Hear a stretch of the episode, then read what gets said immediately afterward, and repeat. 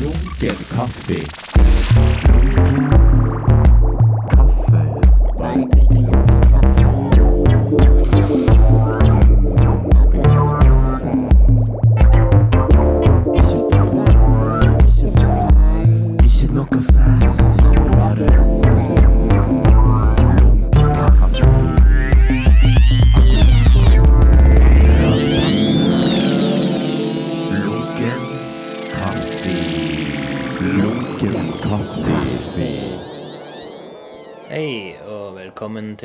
Kaffe, eh, Espen Birk. Jeg eh, skulle egentlig hatt en gjest denne her uken, men eh, av uforutsette hendelser så ble det ikke gjest. Så derfor så blir det en ny soloepisode som eh, som egentlig har blitt en sånn tradisjon nå, siden dette blir da den tredje gangen på rad. Jeg har jo igjen da skrevet et brev til meg sjøl, så hvis lytterne har eh, orka hørt på disse her eh, unødvendige episodene, så pleier jeg å skrive et brev, og det har jeg gjort, og det ble nå fint nok, det. Det er sånn jeg kommer til å avslutte denne episoden. Andre ting jeg har tenkt, er, å gå gjennom noen eh, dokumenter, eller det det jeg kaller det i denne episoden, av Hvis vi går innom eh, det første segmentet, Bergman.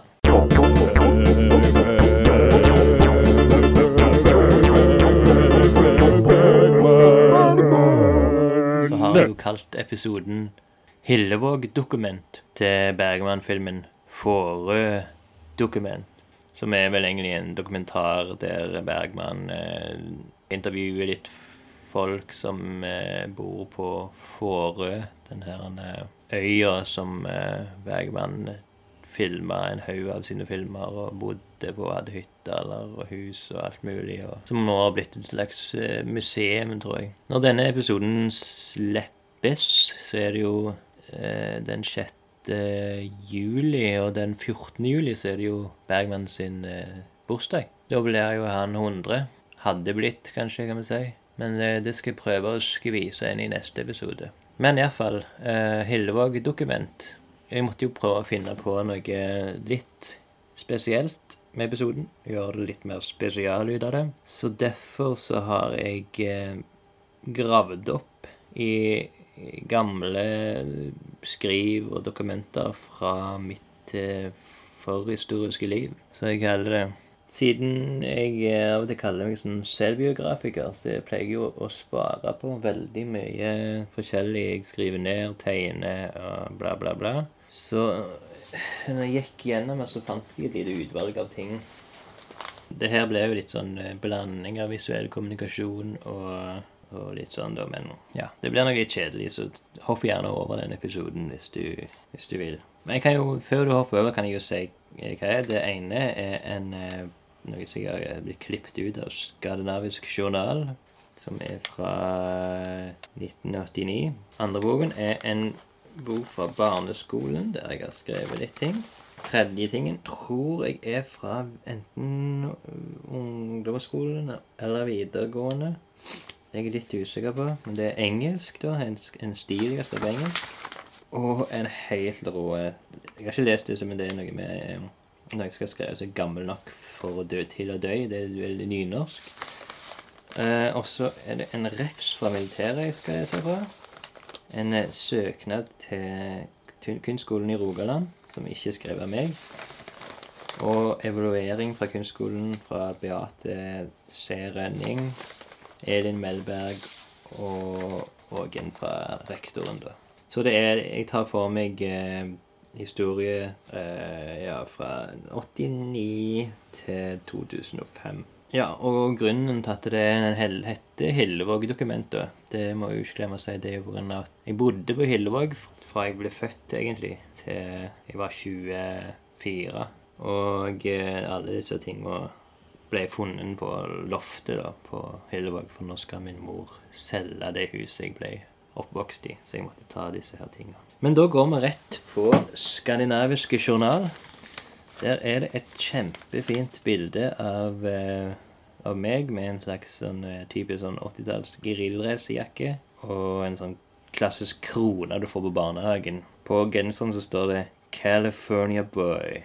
Noe som jeg absolutt ikke har noe minne av kjøpt. Eller. Det er òg en fyr med sånn baseballkølle der som Jeg var ikke interessert i sport, eller noe, så det var litt spesielt. Skandinavisk Journal det var jo eh, en avis som ble trykt opp og, og delt ut i norske delen av Spania, Costa Blanca.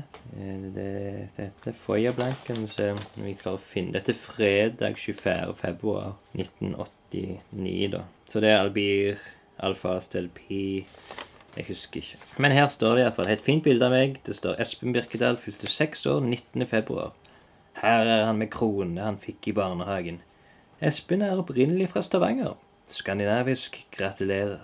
Nei, sk Skandinavisk journal gratulerer. Så der begynner jeg. Dette er spart på da fra den tiden. Av en eller annen grunn så har jeg det. Så går vi inn i eh, det som en sånn tegneblokk som jeg hadde, som det står arbeidsbok på. Her inni har jeg mye fra kristendom, ser jeg. Og det var jo i kristendommen jeg fikk utfolde meg med tegning, som jeg er veldig glad i, da. Alltid har vært en glad tegner. Ok, så her har jeg vet ikke hva dette er. Det er en liten kort, kort historie som jeg eh, sikkert har skrevet om en som heter Tone og en som heter Kari. Tone er lei seg og tenker på om hun skal ringe opp igjen. Da ringte telefonen igjen, og det var Kari. Tone tok telefonen, og Kari sa at hun var lei for at hun hadde behandlet henne så stygt. Og Tone sa at hun var lei for å ha stengt telefonen når Kari spurte om hun skulle bli med Kari på hytten. Og Tone sa at hun ville bli med på hytten allikevel, og de ble gode venner på turen. Og Tone ville også bli bestevenn til hun andre. Så det er historien om Tone og Kari. Det håper jeg alle digger. Så har jeg tegnet et bilde av eh, det som skal være Jesus med krone, der han får sverd, piler og en sånn en eh, slegge mot seg. Så jeg skrevet Jeg syns det viktigste med Jesus er at han døde for oss. Så jeg var veldig, veldig kristen med den perioden. Da tror jeg vi setter en stopper for eh, arbeidsboken fra det jeg vil si 1994, kanskje. Så går vi til The American Dream by Espen B. Dette her kan jo for all del være at jeg har skrevet dette her når jeg var eh, 18 òg, eh, men jeg har ikke lest det siden jeg var 18 iallfall, så dette bli spennende. Ever since I was 12 years old, my biggest dream has been to be able to play for the NBA. The NBA stands for the National Basketball Association. This is a league consisting of many basketball teams from around the US of A. Every year around 20 players from Europe joins the NBA together with the Americans. From the age 12 to 15 I collected basketball cards of the NBA players showing the statistics of their games. And every Friday they showed showed live NBA games first from on Supersport, then on Canal Plus. Cha- uh, Canal Plus. I have always been a big fan of the game, but it was very difficult to begin in this sport. There's very few kids at my age that I knew who were interested in basketball. We couldn't get enough players to start a team, so we started out playing in the concrete basketball courts in our neighborhoods and schools. We stole all the moves from the players in the NBA, and it was gathered, gathered every Friday and watched the live games. I always changed my opinion at who was my favorite players, but I remember the first player I admired was the leading point guard of the Seattle Supersonics, Supersonics, Gary Payton. I bought a whole lot of Supersonics gear at that time, and I still remember the extreme happiness I got when, I f- when a friend of mine had been in the US of A and bought the Gary Payton jersey to me. I played almost every day, and rain, snow, and wind didn't slow me down a bit. I really wanted to get into the NBA, and I had to train hard to get where I got no get there. I got myself some sandbags to strap around my legs. These bags should help me in increase my jumping ability. I wore them a long time. if I wore them a long time. So I wore them at school, at home, in town, well, everywhere. I went, basically. I didn't wear them more than a month or so. I didn't really think it worked. One summer, I remember me and my best friend entered a two on two basketball challenge. We were the smallest and youngest to enter, but we didn't care. We won two games and lost the third, but afterwards, two guys who were two years older than us said that we really got skills and they liked our style. They asked us which team we played for, and we answered that we didn't play for any team. They said that they, they played for SBBK, Stavanger Basketball Club, and wondered if we wanted to join. We decided to try it out, but it didn't start before after the summer, so we had much time to practice. All that summer we found many basketball players to play against. Sometimes we played for money, sometimes we played for fun. But after a while, many knew our names and we got the reputation that we were hard to beat. After trying out this the Stavanger team, I thought organized basketball was really hard and complicated, but my friend liked it and became a member of uh, Stavanger Basketball Club. Some weeks later, I heard about another league, the IBA, International Basketball Association. IBA was a little league the International School of Stavanger had started. I went there one year and learned all about the rules and stuff in organized basketball. The other players called me the street hooper because it had all the more the moves picked up in the streets. We became second in the IBA league and I started to like organized basketball after all. So I started in SBBK, uh, Stavanger Basketball Club, too. All the time I felt closer and closer to the NBA. Both the seasons that I played for Stavanger Basketball Club, we got number one in, in the Rogaland League. I stopped playing organized basketball for two years because I figured ja, det var ikke mer. Vi, ja, skal fortelle videre, så var det vel For jeg stoppet i to år å spille basket, og så begynte jeg å spille for Havørn som er i Tananger. Spilte vel ett eller to år der, jeg husker ikke. Men så slutta jeg helt. Så det var en litt selvbiografisk historie fra mitt, fotball, nei, bas mitt basketballiv. Skrevet inn når jeg var 18, sikkert. Og så har vi en ting her som jeg tror dette skrevet gå videregående. Jeg ser det litt på skrifta. Og det er nynorsk. Ja, Den heter 'Gammel nok til å dø'. Jeg mener at du ikke skal dø i en spesiell alder. Du skal dø når du blir bedt om det. Jeg mener at du aldri er for ung til å dø. Det fins en lagnad for oss alle. Hvis noen dør i en veldig låg alder, er dette lagnaden deres. Med andre ord, de er ubrukelige, eller de har gjort sitt i livet. Jeg ser på livet som en fyrstikk. Når fyrstikken har brent opp ned, er den ubrukelig og må derfor kastes. Den har ikke lenger en flamme. Ingen bør ta sitt eget liv, men å bli drepen eller dø er naturlige årsaker. Jeg kunne aldri tenke meg å ta selvmord, men blir jeg skyten i hudet en dag, aksepterer jeg at det er min lagnad. Den vanligste alderen folk mennesker dør, er ca. 70 år, og dette er en veldig høy levealder. Jeg mener at de som bor på gamlehjem, er på feil plass. Det tyller enten himmelen eller helvete. Det er sånn tidligere nevnt um, ubrukelige, og blir dermed verdiløse. Hvis jeg blir gammel, 80 år, skal jeg utnytte min alder med å bruke min livsviten på ungdommer og lure dem i små feller. Jeg, uh, kommer jeg inn på gamlehjem, skal jeg rømme sam, samme uke jeg blir innlagt. Døden rammer oss alle. Hvorfor torturere deg selv med å vente på at mannen med ljåen skal gi deg et klart signal? I dette tilfellet er selvmord en grei løsning, men du bør helst ikke ty til dette. Dør du i dine ungdomsår, har du hatt et altfor ukontrollert livsstil, og den blir straffet for måten du behandler kroppen din på. Jeg har lett både høyt og lavt, men finner ikke ut hva målet i livet mitt er.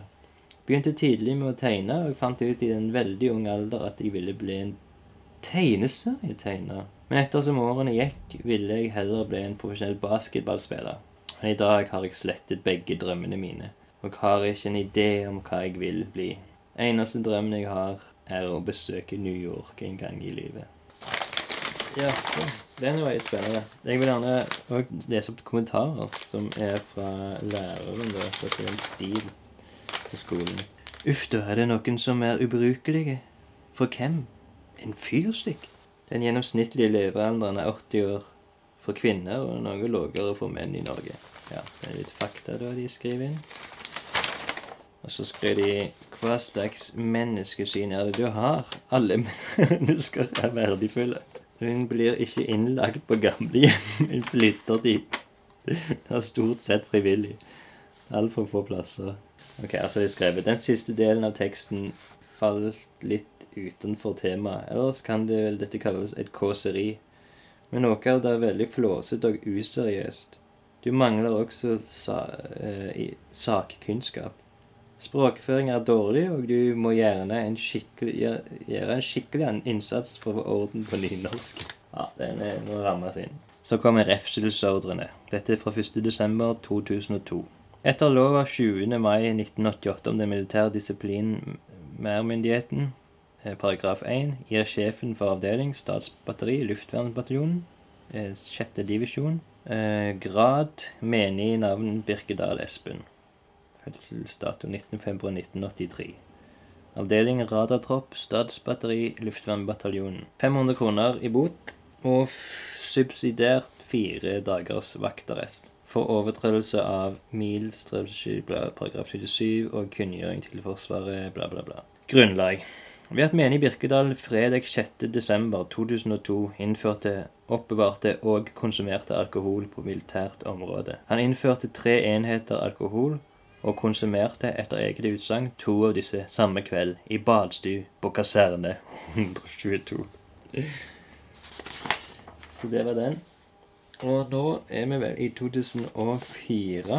Da, da når jeg skulle søke på kunstskolen, så var jeg litt sånn Visste ikke hva jeg skulle skrive, så da fikk jeg min venn Carl Gunnar Eltervåg til å skrive. Og den her har jeg så veldig tydelig at dette er hans skrift. da.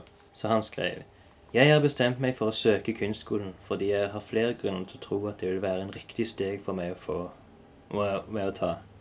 Jeg har alltid drevet med kunstrelaterte ting. Nok selv som liten var tegning en av mine favorittgjøremål. Det virker spennende for meg at KIR kan gi meg muligheten til å fokusere på de kreative fagene. Til å gi meg ideer og rettledninger til hvordan jeg kan utnytte mine kunstneriske egenskaper på den beste måten. Jeg føler KIR kan hjelpe meg å bestemme meg for eh, yrkesvalg innen design eller og lignende, eller illustratør. Noe jeg gjerne kunne tenke meg å jobbe med senere. Hm. Vel, og så er det evaluering uke 48, 49 og 50. Kartlegging. Lærer Beate Cecilie Rønning. Kartleggingsperioden handler om innføring i konseptuell og kontekstuell tankegang og kunstneriske metode.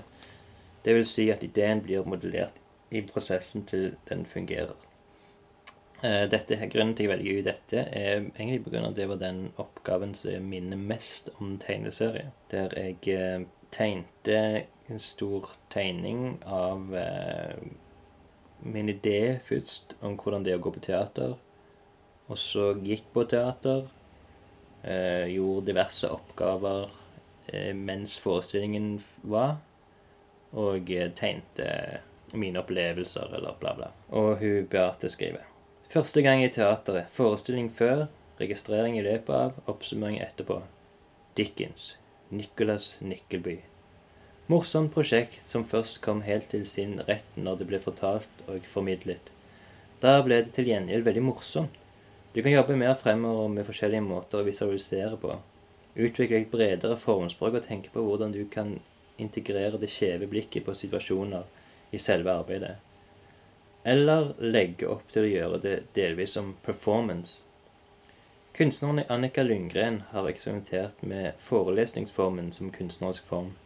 Holdt forelesninger med pekestokk og tavle om absurde ting. Eksempel alkoholpolitikk i henhold eh, bla, bla, Sverige og Danmark. Med tilhørende shots servert i et kurslokale på nøkternt vis. Publikum ble fullere og fullere, mens hun fortsatte sin skolemesteraktige forelesning. Delte ut kompendier med drikkeviser som skulle synges stående ved siden av pulten. Eh, dette var 31.12. 2004. Dette òg er en eh, Elin Melberg. I uke 42-43 av 2005. Eh, grei innsats i begge ukene. Jeg husker ikke hva dette her var. Jo, tegning andre klasse. dette. Grei innsats i begge ukene, men jeg skulle gjerne sett deg eksperimentere enda mer og jobbe enda hardere med maleri. Du har et bra potensial og bør fortsette å jobbe med ulike flater innenfor teknikken, slik du har i maleriet av businessmen. På maleriet og tegneserier i forsiden var det ikke kommet langt nok til at jeg kunne få en helhetlig inntrykk. Men ideen er morsom og kan videreutvikles. Prøv å fokusere tankene rundt et tema videre i fordypningsperioden. Om det er autoriteter, tegneserieforsider, helter eller noe annet. Ok, Så jeg begynte jo ikke å lage tegneserier før 2015, da. Så ti år seinere. Og så Jon Øyvind Eggesbø, aka rektor, sin lille vurdering av meg, da. Espen. Du har gjennom flere prosjekter vist at du har en evne til å velge et arbeidsfelt og fullføre prosessen med å avdekke det. Dette viste seg særlig under prosjektet i Sandnes, hvor du viser stor innsikt i en arbeidsmetode. Vi ser at du har jobbet i felt du kjenner, har erfaringer og holdninger til. Du har vist stor respekt for aktørene innen dette feltet. Fremstilt dem redelig, samtidig opplever betrakterne at arbeidet gir dem et frirom til se- selv velge hvilke holdninger de danner seg. Vi minner dem om å bruke tid i biblioteket, lese om samtidskunst og diskutere med medstudenter er viktig for å utvikle seg videre. All tid man bruker utenom undervisningstiden til å arbeide med egne prosjekter, vil akselere din egen utvikling. Det var et svært godt utgangspunkt for videre undersøkelser av egne kreative potensialer. Bestått Kunstskolen i Rogaland. 27.06.2005. Det han skriver om Sandnes-prosjektet, var når jeg, eh, jeg var i Sandnes, fant skilt overalt, og det sto 'I Sandnes betaler vi kassen'. Noen av disse skiltene var et bilde av en eh, uniformert eh, politimann, og han prøvde jeg å oppsøke. Gikk til politistasjonen, lagde en dokumentar, en dokumentarfilm egentlig, om det å lete etter, seg etter jakten på eh, et eller annet Michaelsen, tror jeg han heter. Og det ender jo med at jeg finner han, og lagde et bilde med meg og han, der det sto 'Vi betaler i kassen'. Hang opp egne bilder av meg der jeg ser autoritær ut. Siden han ikke jobbet i politiet, så var det litt rart. Han hadde jobbet i politiet, men han jobbet på Europris som en høyt oppe der.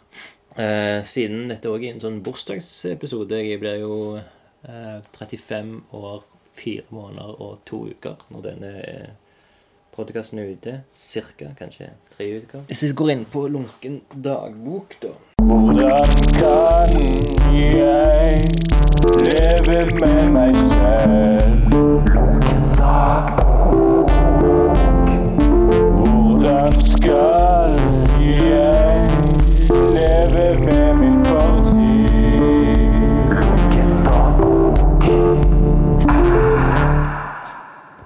På, på 35-årsdagen min så, så fikk jeg en dagbok til bursdag av Anna, kjæresten min. Da ble det første innlegget i dagboken min om bursdagen. 19. februar 2018. I dag startet dagen med frokost på sengen. Vanligvis er jeg han som koker kaffe og henter avisen, men i dag var det rollebytte. Jeg er 35 år i dag, og Anna tok min plass. Jeg var i godt humør hele dagen, egentlig dro til lunket verksted 0940 og startet ryddeprosessen. Smykkelene var der, første menneske jeg møtte. Hun spurte meg mange spørsmål, jeg svarte høflig, men gjeng, gjeng, ga ikke henne noe spørsmål. Dette ble dagens første indre konflikt. Kjetil B var der, og ingen av den, dem gratulerte meg med dagen. Det gjorde ingenting. Etter å ha ryddet på verkstedet dro jeg til Kilden og spanderte en bursdagslunsj på meg selv. Mexico-burger. Det smakte ok. Jeg hadde med meg forfatteren Bergman, ja, boken Forfatteren Bergman, og bladde litt i den på spisestedet. Jeg åpnet gaven til meg selv i dag, arbeidsbøkboken, arbeidsbøker, som er Jørgen Bergman-bok, som jeg ikke kan lese før den boken er lest. Når jeg kom tilbake til verkstedet, var Benjamin og Mirja der. Jeg fikk gratuleringsklemmer fra begge. Etter å ha jobbet litt med Forlokkelsen, dro jeg hjem. Ja, Forlokkelsen det er jo et tegneserieprosjekt som jeg har vel egentlig satt litt på hylla. På is, eller hva det kalles. Jeg ville ha noen øl, så jeg gikk på butikken. Når jeg kom tilbake, var kunstnerne Vildag Eva hjemme. Jeg fikk telefonen fra min far og tok den på do. Da jeg omsider kom inn i leiligheten, ble jeg mottatt med sang og jubel. Vilde og Eva hadde til og med kjøpt vin til 35-årspresang. Tim hadde laget et flott bursdagskort til meg, som jeg delte på Instagram. Jeg tittet mye på mobilen pga. Facebook-hilsener og Instagram-likes. Mens Vilda lagde mat, ringte det på døren, og Kjetil og Sege kom Karl Gunnar, han som hadde skrevet den eh, kunstskoletingen, kom på surprise visit. Det var svært hyggelig. Minus for dagen var at min brors kjæreste ble erklært død. Og etter alt min viten er det ikke sikkert min bror vet det heller. Men min, min mor ringte og sa det. Helge Ola ringte også og gratulerte meg. Så det var Lunken dagbok fra bursdagen din. Lunken kaffe. Lunken kaffe. Ok, så jeg har jo skrevet et brev igjen, sånn eh, for tredje år på rad. Um, så det har jo blitt en tradisjon at hvert år så skal jeg skrive et brev til meg sjøl. Og denne gangen så er det jo en ny liten vri, da. Men eh, samme eh, komponist, Hans Zimmer. Stemningen blir jo alltid bedre når vi tar, tar litt musikk fra han, da. Så da begynner vi Ok, Espen. 35 år, fire måneder og to uker. Hvordan har du det nå?